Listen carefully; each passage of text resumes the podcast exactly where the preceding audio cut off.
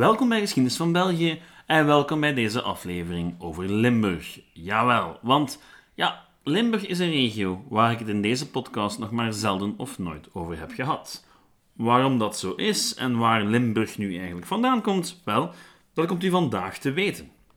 Bijgevolg heb ik het vandaag over zowel het hertogdom Limburg, de Belgische provincie Limburg, de Nederlandse provincie Limburg, Duitsers, Luxemburgers, Vikingen en onze oude vriend, de prins-bisschop van Luik. Dat en nog veel meer in deze aflevering van Geschiedenis van België.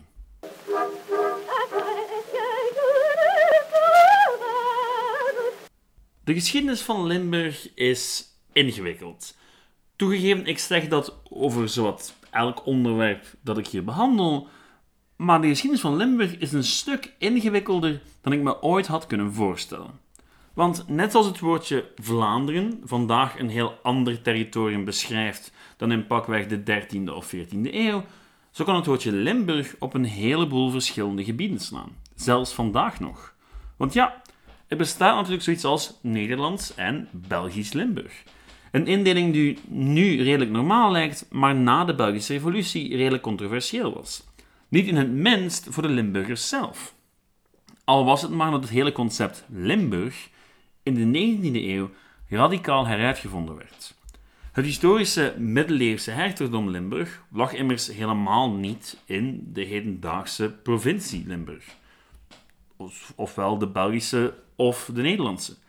Ze lag wel in het noorden van de Belgische provincie Luik.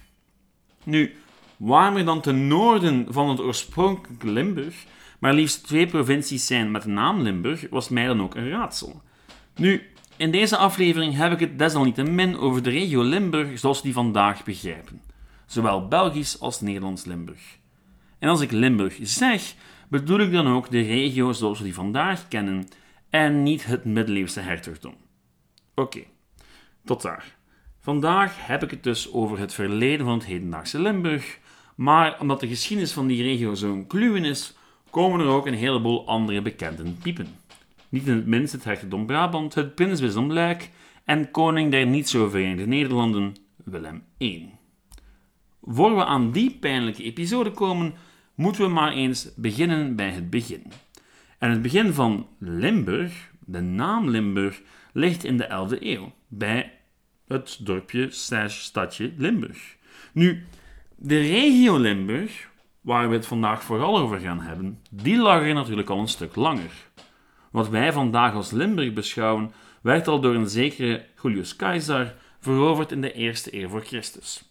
Al kwam er wel wat tegenstand van de voor België bekende figuur van Ambiorix. Nu, dat verhaal heb ik al heel uitgebreid gedaan in een andere aflevering, en dus spoel ik vlotjes door naar de Romeinse bezetting. Een periode die voor Limburg eigenlijk een stuk belangrijker was en vruchtbaarder was dan voor de rest van de lage landen. Al is het maar omdat veel steden en dorpen in de regio hun wortels kunnen terugvoeren op die periode.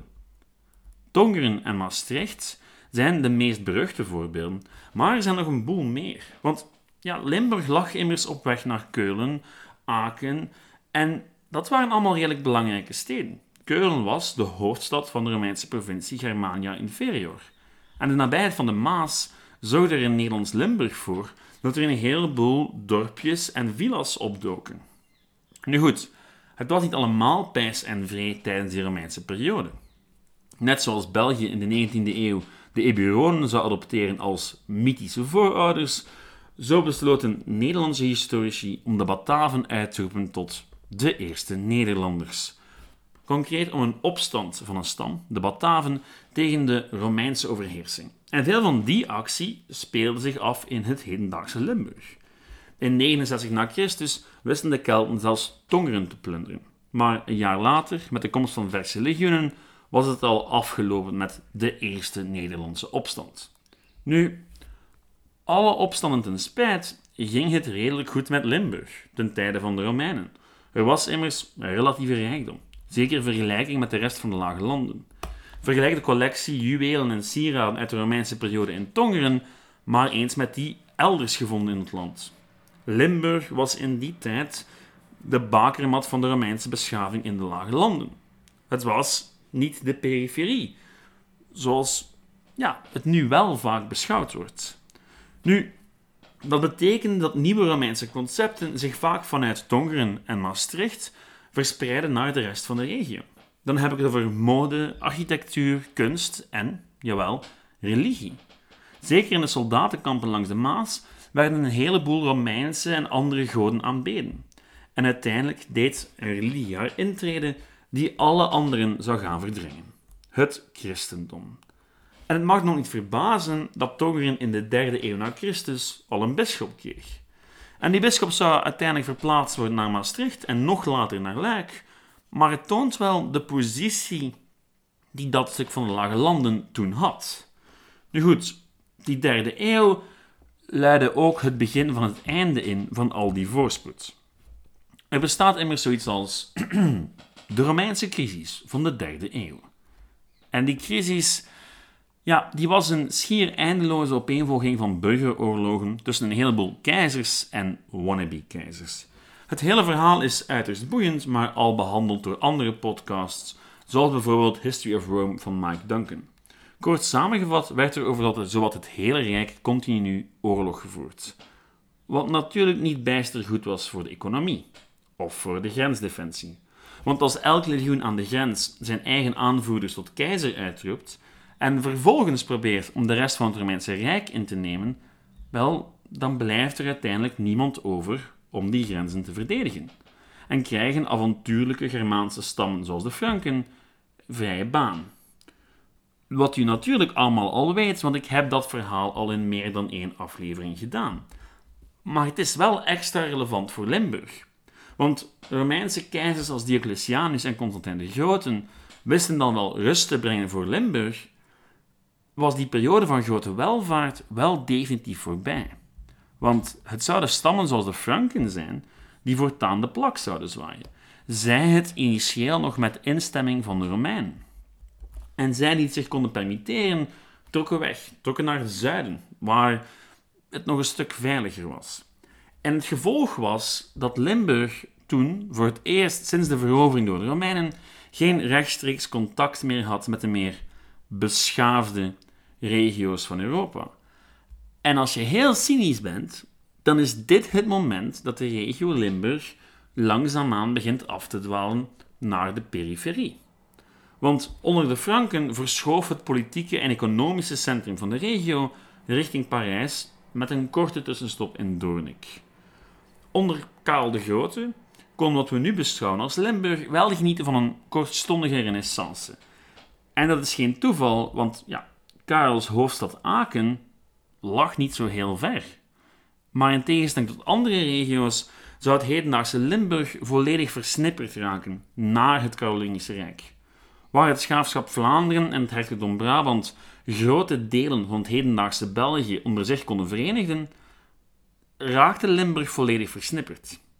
En een van de redenen daarvoor was de komst van de Vikings in de 9e eeuw. Gebruikmakende van de Maas wisten de Noorse rakkers steden als Maastricht, Aken, Bonn en Keulen te plunderen. En net zoals dat elders gebeurde, gaven die Noormannen de gelegenheid aan lokale heersers om te tonen dat zij de lokale bevolking wel konden verdedigen. Dat in tegenstelling tot de koning die, die daar op dat moment vaak niet toe in staat was. Denk maar aan hoe Boudewijn met een ijzeren arm in min of meer dezelfde periode het graafschap Vlaanderen uit de grond stampte. Maar waar het in Vlaanderen heerser was die dat deed, waren het er in Limburg verschillende. Verschillende lokale heersers, vaak vanaf de grens van het gebied, die steeds meer controle proberen te krijgen op wat nu Limburg is.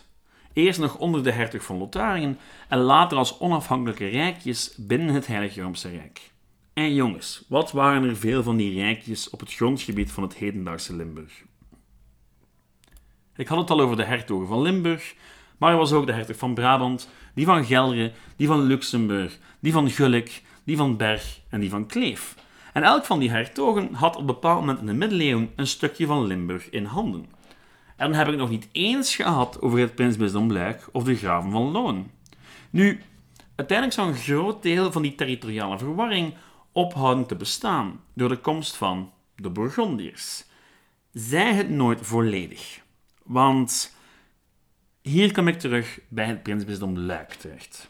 Zoals de aandachtige luisteraar wel nog weet, kreeg het prinsbisdom in 1370 het graafschap Loon in handen. Een graafschap dat min of meer dezelfde grenzen heeft als de provincie Belgisch-Limburg vandaag. Nu, Loon was een regionale macht die op een bepaald moment probeerde mee te boksen met de grote jongens en uiteindelijk bont en blauw geannexeerd werd door Luik. Hetzelfde overkwam overigens een boel van die andere regionale machtjes doorheen de middeleeuwen. Het hertogdom Limburg bijvoorbeeld, dat uiteindelijk zijn naam zou geven aan de hele regio, wel, dat hertogdom was ontstaan als een graafschapje rond Eupen. En hoewel het een tijdje succesvol was, werd het in 1288, na de slag bij Woeringen, opgeslokt door Brabant. We weten allemaal wat er uiteindelijk met Brabant gebeurde. Het werd opgeslokt door Bourgondië. En dat Bourgondië vervolgens ook zou proberen om de rest van de regio te annexeren onder leiding van Karel de Stoute, ja, dat besprak ik al een vorige keer.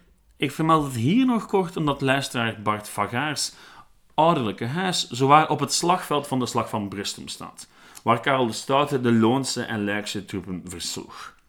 En het was eigenlijk enkel en alleen dankzij het vroegtijdige overlijden van diezelfde Karel de Stoute bij Nancy dat niet heel hedendaags Limburg vroeg of laat geïncorporeerd werd in dat Bourgondische Rijk.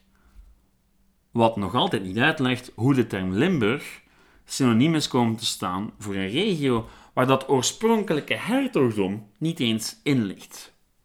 Wel, vanaf de komst van de Habsburgers werd het bestuur in de Lage Landen steeds meer gecentraliseerd. En er waren enkele gebieden die niet tot het traditionele grondgebied van Brabant behoorden, maar wel vanuit Brussel bestuurd werden. Het hertogelijke Limburg en de landen van de Overmaas. Overmaas, over de Maas, oftewel Nederlands Limburg. En Belgisch Limburg was in die periode nog bijna volledig onder de controle van het prinsbisdom. Maar Nederlands Limburg was wel al deel van de min of meer eengemaakte lage landen. Dus werd de term Limburg toen al af en toe gebruikt om het over beiden te hebben al was dat compleet incorrect. Nu, alle naamkwesties terzijde, begonnen die min of meer eengemaakte lage landen vanaf 1570 uit elkaar te vallen in Noord en Zuid. Al verschoof die grens regelmatig heen en weer. En het duurde tot 1661 dat de grenzen eindelijk werden vastgelegd met het Partagetraktaat. Hedendaags Nederlands-Limburg kwam voor de helft terecht in de noordelijke Nederlanden, voor de andere helft in de zuidelijke. En het resultaat was dat er zich serieuze verschillen begonnen af te tekenen tussen beide delen van Nederlands-Limburg. Aan de ene kant werd het katholicisme verboden, aan de andere kant opgelegd. En net die verschillende culturele ontwikkeling zou ervoor zorgen dat dat stuk van Nederlands-Limburg tot de dag van vandaag een eigen karakter heeft. Nu, in de eeuwen die volgden was hedendaags Limburg vaak het toneel voor allerhande veldslagen en plunderingen. Zeker de stad Maastricht werd regelmatig belegerd. Nu, er bleef zelfs lang een deeltje van hedendaags Nederland, Nederlands-Limburg, Duits. En al die chaos brengt me terug tot de vraag aan het begin van deze aflevering. Want ja, waar komt dat hedendaagse Limburg dan eigenlijk vandaan? Wie wou dat?